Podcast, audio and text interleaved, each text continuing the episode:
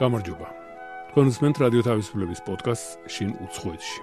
უფრო პირველ ხაზზე კვირაში ერთხელ გესაუბრებით იმ ადამიანებზე, რომლებიც საქართველოში არ ცხოვრობენ.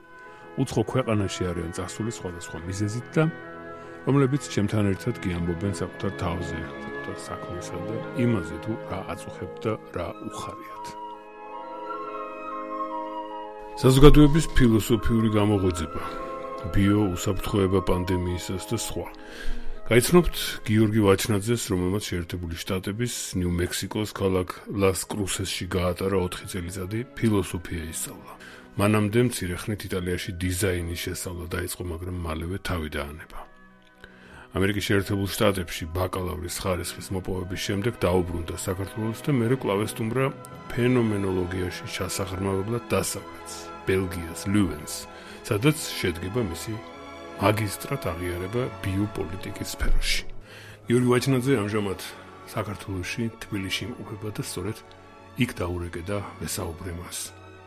ბიოპოლიტიკა, ოღონდ კონკრეტულად ბიოპოლიტიკა თუ ბიოეკონომიკური მართვის საკითხი ორთაბძოლის ხელოვნებაში.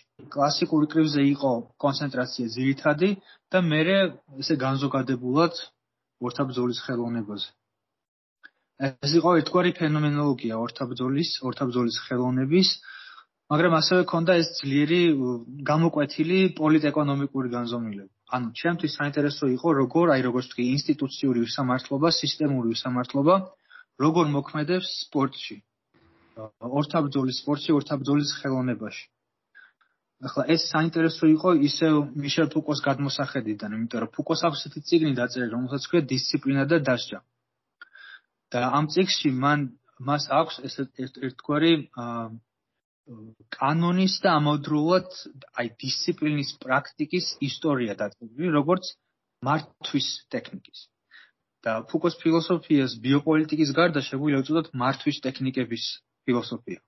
ანუ როგორ რა რა არის ისტორიის განმავლობაში რა სხვადასხვა ტიპის მართვის, манипуляციის და ხალხის ქმედებაზე მოქმედების სტრატეგიები გვაქვს შემუშავებული.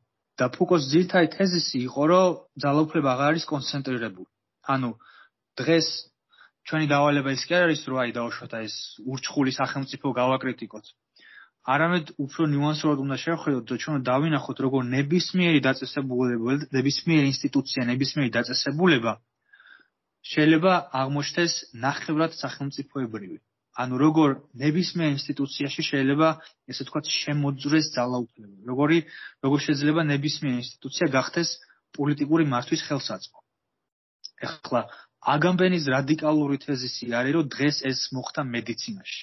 აი ამ პანდემიის ფორმით, რომ დღეს პოლიტიკური ძალა შეიჭრა ექსპერტულ ცოდნაში და კონკრეტულად მედიცინაში. და ამის შედეგად მედიცინა თავის ბუნებრივ ფარგლებს გარეთ გამოვიდა და და ესე ვთქვათ პოლიტიკოსებმა დაი ესე ვთქვათ გამოიჭირეს მედიცინა და თავის ესე ვთქვათ თავის მიზნების ასასრულებლად მედიცინის სახელით საუბრობენ. ეხლა მე არ მინდოდა რაღაცა ესეთი რთული საკითხის შესწავლა და მინდოდა რაღაცა რაცაც შემიძლია დავეუფლო რაც ხელზეა რაღაცა ისეთი ინსტიტუტი მინდოდა ამერჩე რომელიც ჩემთვის ნაცნობია. და ნუ ეს ეგზისტენციალური განზომილებაც შემოვიდა, ანუ უბრალოდ სახში კი არ ვიჯექი და კი არ წერდი ამის შესახებ. უბრალოდ გავედი სპორტ დარბაზებში მივიდიოდი, ველაპარაკებოდი მოკრივეებს, მეც ვთილობდი ვითომ გავხდე მოკრივე რაღაცა და აა ამის შედეგად ეს ეს ავთენტურობის სინამდვილის იოფერი მიეცა ამ თეზის. მაგრამ მიზანი რა იყო, რომ მე ზუსტად ვიცოდე, რომ მე დავეუფლე ამ თეორიას, რომ მე მესმის ეს თეორია როგორც მუშაობს. და კრივი იყო უბრალოდ სანიმუშო მაგალითი უბრალოდ თუ აი თუ კრივს კრივის ინსტიტუტს ავიღებ როგორც მარტივ მოდელს მე შეძლებ უფრო თუ უფრო კომპლექსურ ინსტიტუტებს ინსტიტუტების კრიტიკა დავიწყო. რა ისწავლა ფილოსოფიით გატაცებულმა გიორგი ვაჩნაძემ ამერიკაში? რამაც დატოვა შთაბეჭდილება ალბათ ძირითადად იყო კონტრასტი აა იმ გარემოსა და ხალხს შორის იმიტომ რომ გარემო ეს არისო ნიუ-იორკი, ხო, ეს იყო ნიუ-მექსიკო, ანუ ეს იყო უდაბნო და ეს იყო, რასაც უწოდებენ ორსართულიან ამერიკას. აა მაგრამ და ანუ ეს გარემო თავისთავად ну რაღაც იზოლაციის შთაბეჭდილებას ტოვებდა თითქოს აქ ვინც ცხოვრობს ეს ხალხი აუცილებლად იქნებიან ჩაკეტილი და იზოლირებული და ძალიან რთული იქნება მათთან კონტაქტის დამყარება და აღმოჩნდა პირიქით რომ ხალხი საკმაოდ ისე თქვათ დამუხტული იყო ენერგიით ყველა. ინდონეზიელს თითქოს ჩემგანაც აი ეს მოთხოვნა იყო რომ ვიყო აქტიური ვიყო ენერგიული და აი რაღაცნაირად ძალიან ექსცენტრულად გამოვხატო ჩემი თავი. და ეს თითქოს ბძანებასავით იყო თითქოს მოთხოვნილება იყო ყველგან. და ეს კონტრასტი იყო ხალხსა და გარემოს შორის. ამერიკაში არის ეს კულტურა ყოველ შემთხვევაში უნდა იყოს ეს კულტურა რომ პროფესორის დანიშნულებაა რომ შენში ამოიღოს აი ეს ნამდვილი ალალი ინტერესი და ნამდვილი პოტენციალი. ანუ შენგან უნდა მოხდეს გარკვეული ინვესტიცია იმ საკითხში, იმ კურსში, რომელიც უნდა იყოს რაღაცნაირად პირადი ინვესტიცია. და ამას თუ ვერ ხედავენ, ეს ინტერესი ხრება. ამიტომ რაღაც გაგებით იქ ინსტიტუციურად მე იძულებული ვიყავ რომ ამერჩე ის რაც მართლა მაინტერესებს. და ამ გაგებით მოხდა სწორედ აი ჩემი ფილოსოფიური პოტენციალის დამუხტვა, ინტენსიფიკაცია. და რაც ჰობი იყო, გახდა პროფესია. ისი ინტენსიფიკაცია მოხდა. უფრო მეტი ფილოსოფოსი გაიცანით, თუ რაღაცა უფრო მეტი, როგორ ვთქვა, ისწავლეთ უფრო ფილოსოფია რა არის, ნუ სიბრძნე იმას რა ქვია, აზროვნება, ხო, რაღაცა, თქვა, ანალიზია თუ რა, რა ვიცი კიდე რა არის. ეს არის და რა რა უფრო ზუსტად შეგიძლიათ ახასიათოთ რა მოხდა იქ. თქვენში აი ამ ინტენსიფიკაციის შედეგად რაშიც ეს ამერიკელი პროფესორები ასე იყვნენ დაინტერესებული. აა მაშინ კიდევ ერთ მეორე სიტყვას შემოვიდა, რომელიც არა ქართული სიტყვა და ესა ობსესია. აა როდესაც სხვა ვერაფერზე ვერ ფიქრობ. და ანუ მაგრამ ქართულად ბოდიში ატან რამის ატანელი რო ხარ, ხო ატანელი რო ხარს რაღაცას. ახსოვს? აუ ატანელი ან კი, თან ატანა უფრო კარგი სიტყვა, იმიტომ რომ მე მეფიქრება აეკვიათა. და ეგ ეგ არ მომწონს თუ დაჯეროს, მაგრამ ატანა კარგად ჭრეს, ხო? მომწონს და ხო აი აი ეს იყო მიზანი და ამის შედეგი ის იყო, რომ აა ყველა ჩემ სხვა საქმეში, ყველა ჩემი სხვა გართობის წყარო, ყველაფერი, რასაც ანუ თვითონ საკლასო ოთახის გარეთ ჩემი ცხოვრება ესე თქვა დაიმუხტა ფილოსოფიით და სხვა არაფერზე არ მეფიქრებოდა. ფილოსოფიის ამერიკელი პროფესორის ქცევა ფილოსოფიით გატაცებული ნიჭიერი ქართველი კაცის მიმართ. მე ფილოსოფიის მიმართ ინტერესი მქონდა, მაგრამ ამას მქონდა რაღაც ჰობის სახე. მაგრამ შესაძაც იქ ჩავედი, ყოველდღიურობის ანალიზით და გახდა უფრო აქტიური, უფრო კრიტიკული და უფრო რეფლექსიური გავხდი ჩემ გარემოს მიმართ. და მეორე მხრივ ხო ეს ჟინი გამიჩნდა, ეს მუღამირო ტექსტი, რთული ტექსტი გავიგო. რომ ჩავეძიო, გავიგო ისი თქმა უნდა და რომ აი ამოვიცნო რაღაცნაირად და ნუ ეს თითქოს ეს თითქმის კომიკური ურთიერთობა მქონდა ჩემ პროფესორთან, რომელიც ხედავდა ამას და სპეციალურად ნერვებს მიშლიდა, არ მაძლევდა იმ აღიარებას, რომ აი ყოჩახ, შენ გაიგე, ყოჩახ, შენ გესმის, იმიტომ რომ დაინახა რომ მე რომ დამენახა რომ მე ალღო ადვილად აუღე ამას და დავძლიო. მომბეზრდებოდა. ისთვისაა ფილოსოფია. სწავლობთ მას იმ მიზნით რომ ფილოსოფოსების აზრები გავავრცელოთ, ვიტრაბახოთ საკუთარი განათლებით, არაფერი მსგავსი. გიორგი ვაჩნაძისთვის ფილოსოფიური აზროვნება იმის სწორად დანახვა, რაც დღეს ხდება. ცხოვრების კრიტიკული განჭრეტაა. მას ყოველდღიური ცხოვრების დაალაგებაში გამოადგა ფილოსოფია. ძირითადად უფრო ჩემ ყოველდღიური ცხოვრების დაალაგებაში იდეოლოგიის კრიტიკაში, აი მედია დაუშვათ აი ხა ხო პანდემიის მდგომარეობაში ვართ ხო? ჩემზე არ მოქმედებს მედიის აი ეს რაღაც სტრატეგიები, რომ დათესონ პანიკა და აჟიოტაჟი. ეს კრიტიკული მიდგომა, როგორც ვთქვი, რეფლექსიური მიდგომა. აა და იცით აი ტექსტის კრიტიკული ანალიზი ბევრ ამაში ეხმარება მე მგონი ადამიანს, მათ შორის აი ყოველდღიურ ბიუროკრატიას ასაც უწოდებ. აი ყოველდღიურ ბიუროკრატიაში გარკვევაში გეხმარება ძალიან მით უმეტეს, ოდესაც რაღაცა აა აი რაღაც არასასიამოვნო საბუთებთან რომ გიწევს ურთიერთობა ყოველ დღე დაუშვათ იქ დაზღვევასთან ან სამედიცინოს ამის დისციპლინას გაძლევს ელემენტარულ დისციპლინას გაძლევს რომ ნებისმიერი ტექსტი წაიგითხო ბოლომდე გაიგო და აღმოაჩინო იქ დაუშვათ ვინმე რამეს გატყუებს თუ არა ცოტა ხნის წინ ჩემ ბლოგში მე დავწერე რომ ფილოსოფია არის პათოლოგიური მიდრეკილება ჯიუტი პათოლოგიური მიდრეკილება, რომ ადამიანმა იფიქროს კაფიოთ. კაფიოთ ფიქრის არაბუნებრივი მიდრეკილება. როდესაც მე დავიწყე ტექსტთან მუშაობა, ასევე ამის შედეგი იყო, რომ ეს ეს ეს ცოდნა რაღაცნაირად გადმოვიდა ასევე სალაპარაკო ენაში. ანუ უფრო კრიტიკული გავხდი ყოველდღიურ ურთიერთობაში ხალხის მიმართ და უკეთესად დავინახე ამოცნობა წინააღმდეგობების ადამიანთა საუბარში. მასთან ტექსტთან აი ამ ჯიუტად მუშაობამ გამოიმუშავა ზოგადად ენის მიმართ გარკვეული დისტანცია და კრიტიკული მიმართება ენასთან. და ეს თავისთავად ძალიან უცნაური გამოცდილებაა, რომელიც მეგონი მისტიური გამოცდილების ზღვარზეა, იმიტომ რას ნიშნავს, რომ ადამიანმა კითხვა დაუსვას ენას, სალაპარაკო ენას, იმიტომ რომ თვითონ სალაპარაკო ენის მეშვეობით ისმის ყველა კითხვა და შენ ამბობ, რას ნიშნავს, რომ მე ვლაპარაკობ, რომ მე ვარ მოლაპარაკე არსება. და ეს დისტანცია ქმნის აი ამ უცნაურ ურთიერთობას ენასთან, მაშასთან მთელ ცხოვრებასთან, იმიტომ რომ მთელი ჩვენი ცხოვრება ასე თუ ისე აღწერადი არის.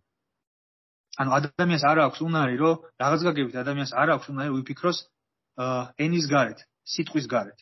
იმიტომ რომ მთელი ჩვენი სამყარო ესე ვთქვათ გარშემორტყმულია ენით. და აი ეს დისტანცია სალაპარაკო ენის მიმართ აქცევს ენას გარკვეულ ინსტრუმენტად.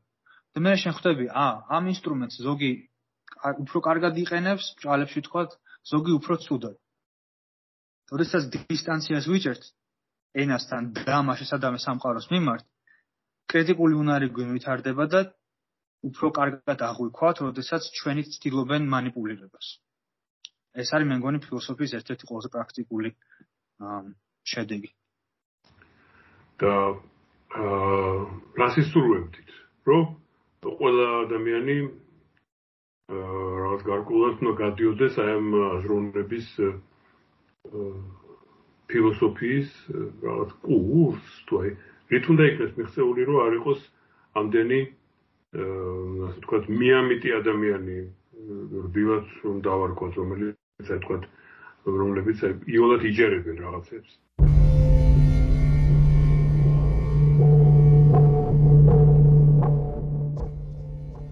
ასე შეიძლება უწოდ გამოგვიწება.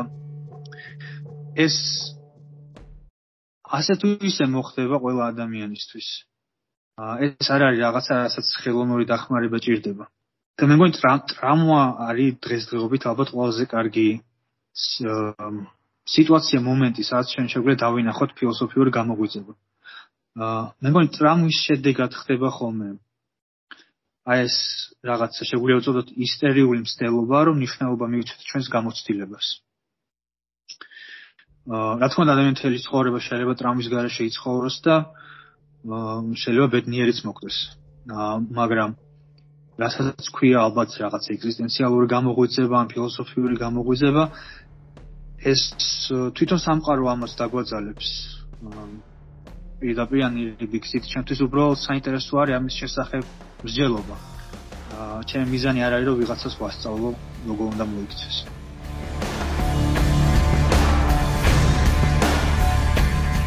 თუ ადამიანი ტრავმამ უნდა გამოაღვიძოს, ხომ არ არის პანდემიის პირობებში ცხოვრება მძიმე ვირუსული სენის გადატანა სწორედ შანსი მისი ფილოსოფიური გამოღვიძებისა.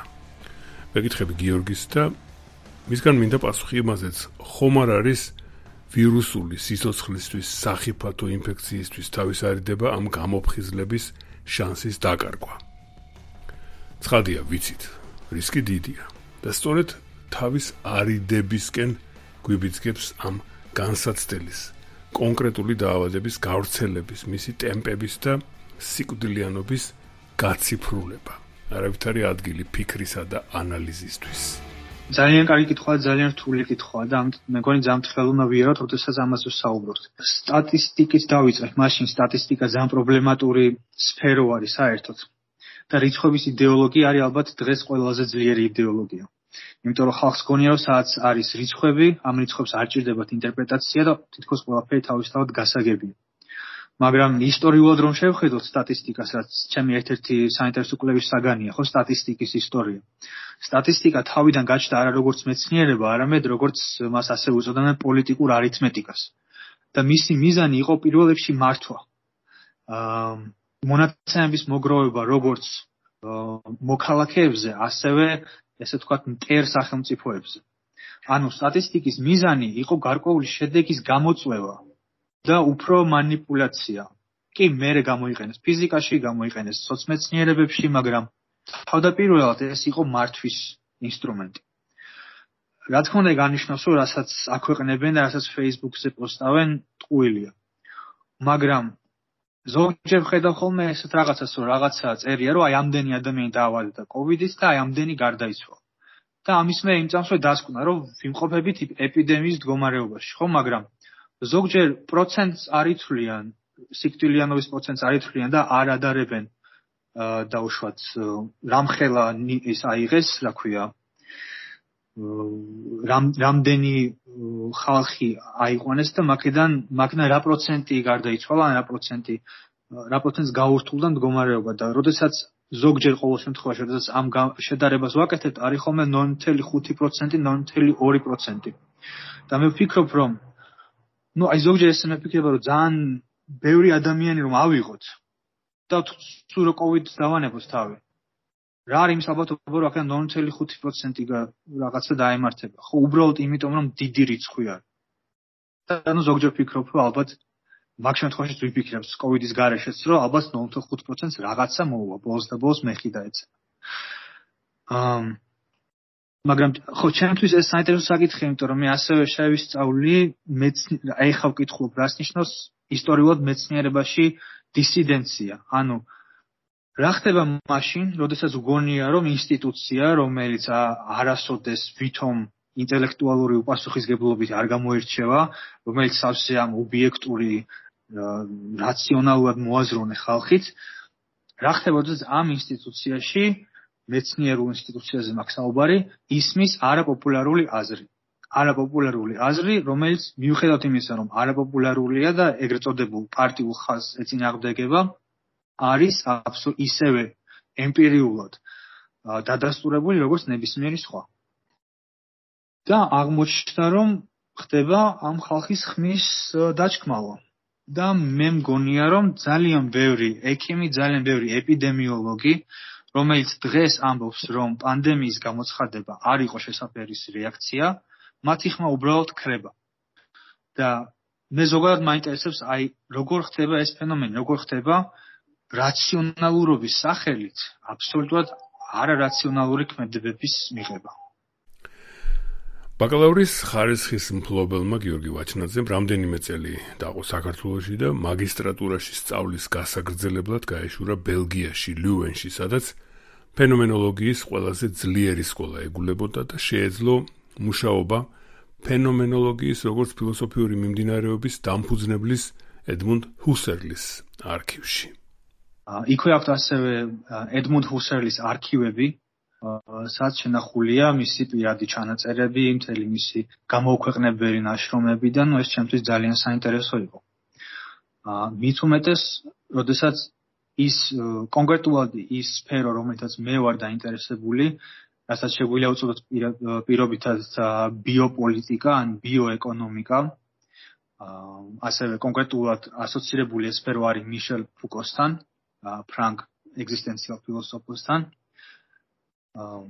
ფუკო იყო გაცნული ფენომენოლოგიურ ტრადიციაში. და ფენომენოლოგიის შესწავლა იყო ესე ვთქვათ, ნუ ფესვების შესწავლა, ანუ იმ ფუნდამენტის, იმ ძირითადი ფუნდამენტის ათვისება, რომელიც რომელიც მე გამიადვილებდა ჩემს პროფესიაში დამკვიდრებას.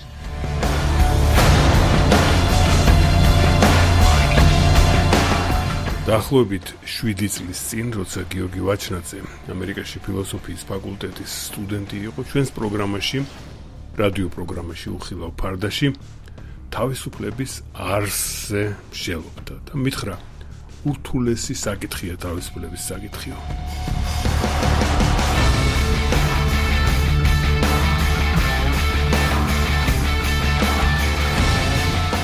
შეგვიძლია ვთქვათ, რომ თავისუფლება არის როცა ჩვენ არ გჭირდება იმაზე ნერვიულობა თუ ამდენი ფული გვაქვს და შეიძლება ვთქვათ, რომ პირიქით თავისუფლება არის როცა ბევრი ფული გვაქვს. საზოგადოებამ დღესდღეობით ისე წაგვიყენა საქმე, რომ ჩვენ ბევრი ფული თუ არ გვექნება, მაშინ უფრო და უფრო შეზღუდულები ვიქნებით, მაგრამ ამ ბევრი ფულის შოვნაზე მიდის, რა თქმა უნდა, სხვაგვარი რაღაც გარკვეული თავისუფლების. ანუ ხდება კომპრომისი თავისუფლებას და დაცულობას შორის. და ჩემზე მაგ ბალანსის დაცვა და მაგ ორ ასე თქვა კონცეფციასთან ჭიდილში რაღაც ხდება უფრო უფრო ხელოვნების მაგვარი პროცესი არის. ვიდრე რაღაც აი განპირობებული რომ აი მე ვიქნებ თავისუფალი, ან მე ვიქნები დაცული, ანუ ისე და ისე რთული საკითხი. მაგრამ აი რაც თავი ეს ხდება რა, ანუ აი ეს კონფლიქტი არის თავისუფლებას და დაცულობას შორის.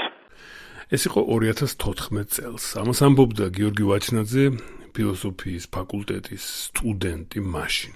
ახლა 2021-ია და პანდემიის პერიოდში, როცა სოფლიო საზოგადოება შიშმა მოიცვა, გაჭირდა ჭეშმარიტების უცბად დადგენა, რა არის ეს ვირუსი, რა დაგვიცავს მისგან ყველაზე უკეთ, რატომ არ შეიძლება მედიცინა შეეცადოს დიდი სახსრების მოზიდვას ადამიანის გაჯანსაღებისთვის და არა მხოლოდ აცრისთვის. მედიკოსები პოლიტიკოსებს მხარში ამოუდგნენ და იმარჯვა უმრავლესობა. ეს ასია საქართველოსშიც. თუმცა კვლევა არ არის საბოლოო. სად გაქრა ჭეშმარიტების დადგენის სურვილი, რომელიც ჩვეულებრივ კვლევას ახლავს ხოლმე. დაახლოებით ეგეთი მიდგომა გვაქვს მეცნიერებასთან, რომელიც არც კი არის მეცნიერება, უბრალოდ რაღაც განზოგადებული მოსაზრება გვაქვს მეცნიერების როგორც რაღაც უნივერსალური ცნების. თითქოს სოფლიოს ყველა მეცნიერი შეთანხმებულია. მაგრამ მეცნიერებს შორის დავა არის და დღემდე დავა არის იმის შესახებ თუ რა სტატუსი აქვს კორონავირუს და რა შედეგები მოყვება კორონავირუსს და რა ზომები უნდა მივიღოთ. ამაზე შეთანხმება არ ყოფილა.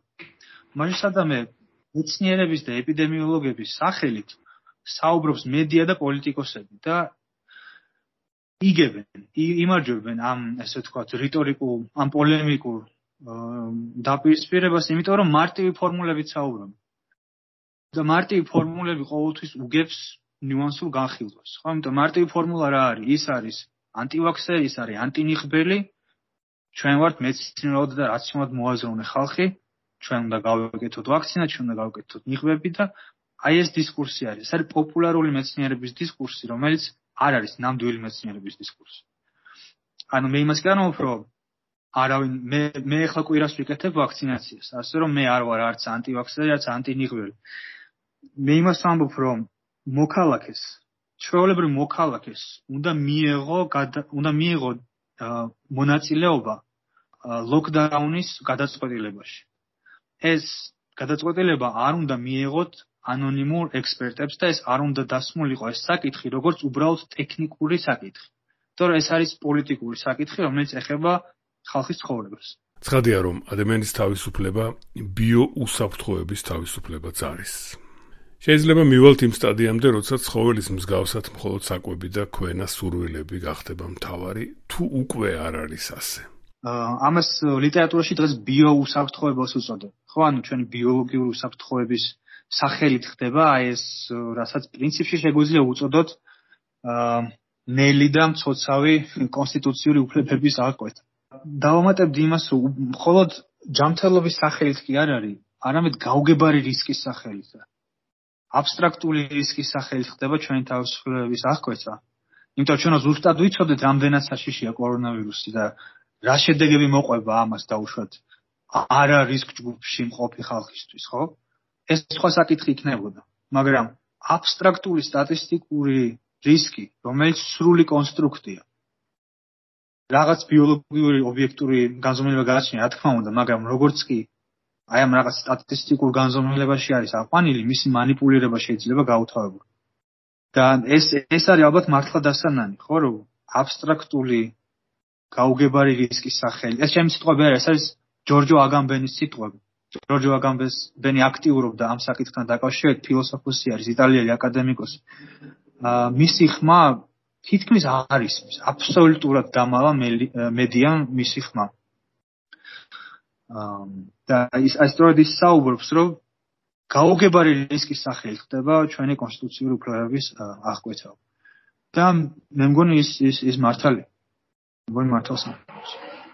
ცოტა ხნის წინ გავიფიქრე რომ ბიოსტატისტიკოსი ხომ არ გავხდით თქო.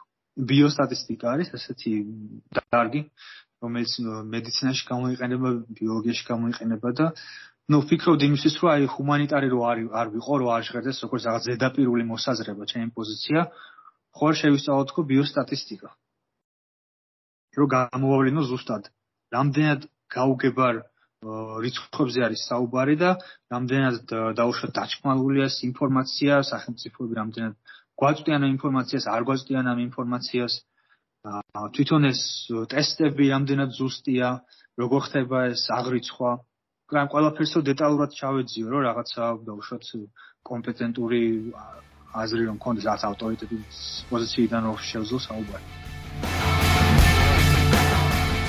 ფუკოს ძირითადი შთაგონება არის ნიჩეს ფილოსოფია, ნიჩეს მეტაფიზიკა, სადაც ნიჩე საუბრობს, რომ ნუ ადამიანური ურთიერთობები და ზოგადად სამყაროს არსი არის სიცოცხლის არსი არის ძალაუფლების მოპოვება და ძალაუფლების მომატება. ფუკომ აიღო ეს ნიჩეს მეტაფიზიკა და უფრო კონკრეტული გახადა, უფრო სოციოლოგიური გახადა და მის მიზანი გახდა რომ გამოავლინოს როგორ ნებისმიერ ადამიანის ურთიერთობებს შორის შეიძლება აღმოჩნდეს გარკვეული მართვის და манипуляციის ელემენტი, რომელიც ხშირად შენიღბულია როგორც ალტრუიზმი, მეგობრობა, ქვემოქმედება, ასე შემდეგ. და სხვათა შორის სწორედ ეროტიკის მაგალითს იყენებს, სექსის მაგალითს იყენებს, როდესაც საუბრობს ძალაუფლებაზე დომინაციის გარეშე. ანუ ძალაუფლება დავუშვათ ძალადობის გარეშე. ეს არის ძალიან მნიშვნელოვანი ცნება ფუკოსთან, რომ დომინაცია ძალაუფლება ერთი და იგივე არ არის. თუმცა ძალაუფლება შეიძლება იყოს ხარტი манипуляция. და რასაც დღეს უწოდებენ აი რბილ ძალაუფლებას, ხო ან ხო რბილი ძალაუფლება ეს ხონდა არ ითარგმნება მე მგონი. როდესაც ძალაუფლება ის კი არ არის, რაც ორველის რომანებში არის, ხო, რომ აი რაღაცა რეპრესიული რეჟიმი, ბოროტის სახელმწიფო, ურჩხული დღეს ეს არ ხდება და ჩვენ მგონია რომ დემოკრატიულ სახელმწიფოში ცხოვრობთ, იმიტომ რომ აი ამას არ ხედავთ, აი ამ კონკრეტულ რაღაც დიქტატურას ვერ ხედავთ, აგრესიას ვერ ხედავთ. და ბიოპოლიტიკა არის სწორედ აი ეს კრიტიკული მიდგომა, რომელიც რომელიც ჩვენ გვეუბნება, რომ ჩვენ აღარ ვართ აი ამ პოლიტიკური რეპრესიის საშიშროების წინაშე, ჩვენ ვართ სწორედ ბიოპოლიტიკური რეპრესიის საშიშროების წინაშე, როდესაც ნელ-ნელა ხდება ჩვენი კონსტიტუციურ უფლებების აღკვეთა. ანუ ნელ-ნელა გვართმევენ თავისუფლებას და ეს ხდება ძალიან შეუმჩნეველი მეთოდებით ხდება. რბილად ხდება. აა და მე მგონი ყველაზე კარგი მაგალითი არის ხომ, როდესაც ვებსაიტზე შევდივართ და ვებსაიტი რო გვეუბნება, რომ აი თანახმა ხარ თუ არა აი ამ პირობების და ან რაღაც პროგრამას რო ვიწერთ, ხო, თანახმა ხარ თუ აი პირობები და უფლებები, რაღაც ლეგალური დოკუმენტი და ეს უნდა დავაჭიროთ რა, რომ აი კი ვეთანხმები, ხო და რას ვეთანხმები, წარმოდგენა არ გვაქვს უმეტესობა. მაგრამ აი ჩვენ წარმოვიდგინოთ რომ ერთ დღეს ერთ დღესაც გითხეს რომ აი შენ რო დააჭირე ამ ღილაკს თითქოს კი უბრალოდ გინდა წაგეკითხა იმ ვებსაიტზე რა იყო მაგრამ შენ დააჭირე ამ ღილაკს და აქედან გამომდინარე ეხლა ჩვენ გვაქვს ძალაუფლება შენ შენ მიმართ ხო? ჩვენ ახლა შეგვიძლია კანონით შენ დაგაძალოთ რომ რაღაცა ქნა რაღაცა ფული გადაგვიხო და ასე შემდეგ. აი ეს ლატენტური საშიშროება არის დღეს დემოკრატიაში რომ დემოკრატიული სახელმწიფო გადაიქცეს ბიოპოლიტიკურ სახელმწიფო. და აგამბენს თუ ვკითხავთ, რომელიც ასე ფუკოს კვლევარი არის. ეს დაიწყო.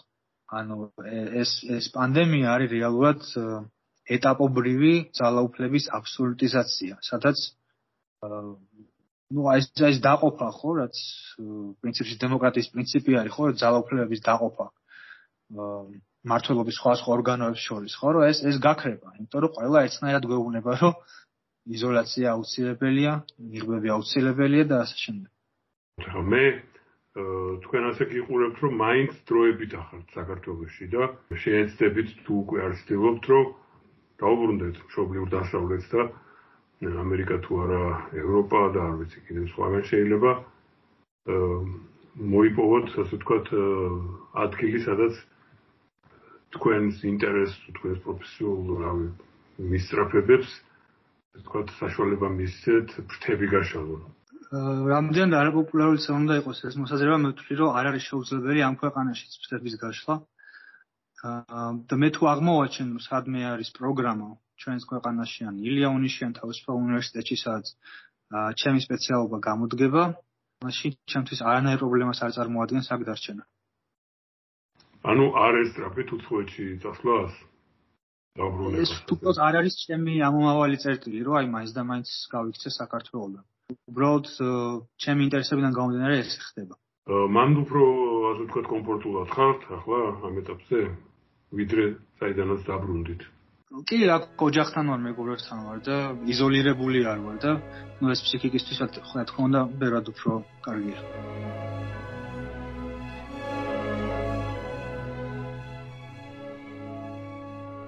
პოდკასტი შინ უცხოეთში. გიორგი ვაჩნაძეზე კი ამბობდით გიორგი ვაჩნაძის დახმარებით. 4 წელიწადი იმყოფებოდა ჩვენი პოდკასტის დღევანდელი სტუმარი შეერთებული შტატების ქალაქ ლას კრუსესში. იქ ფილოსოფია ისწავლა. ბაკალავრი საქართველოში დაბრუნდა და შემდეგ კვლავ ესტუმრა ფენომენოლოგიაში ჩასაღრმავებლად დასავლეთს ბელგიას ლიუენს მისი სამაგისტრო თემა ბიოპოლიტიკის სფეროშია ხდება თავისუფლების აღკვეთა აბსტრაქტული რისკის სახელით. სტატისტიკის თავდაპირველი მიზანი შედეგის გამოწვევა იყო, ის იყო მართვის ინსტრუმენტი. არადა რიცხვების იდეოლოგიასაც უნდა ინტერპრეტაცია. ესაა სააზროვნო თემები, რომლებიცაც არის დაკავებული პროგრამის შინუცხოეთში ავტორის ოქროპირ რუხაძის თანამოსაუბრე. გიორგი ვაჩნაძემ მითხრა, სამშობლოს დატოვება არ მინდა, მაგრამ არაერთ უცხოურ უმაღლეს სკოლაში ვაპირებ განაცხადი შევიტანო, იქნებ დოქტორანტურის ადგილი მოვიპოვო. გადაცემის წამყვანი ამით გემშვიდობებად ჩვენს პოდკასტს შინ უცხოეთში შეგიძლიათ მოусმინოთ თქვენთვის ცნობილ პოდკასტების პლატფორმებზე, ასევე რადიო თავისუფლების საიტზე, თავისუფლება.ge. ნახვამდის.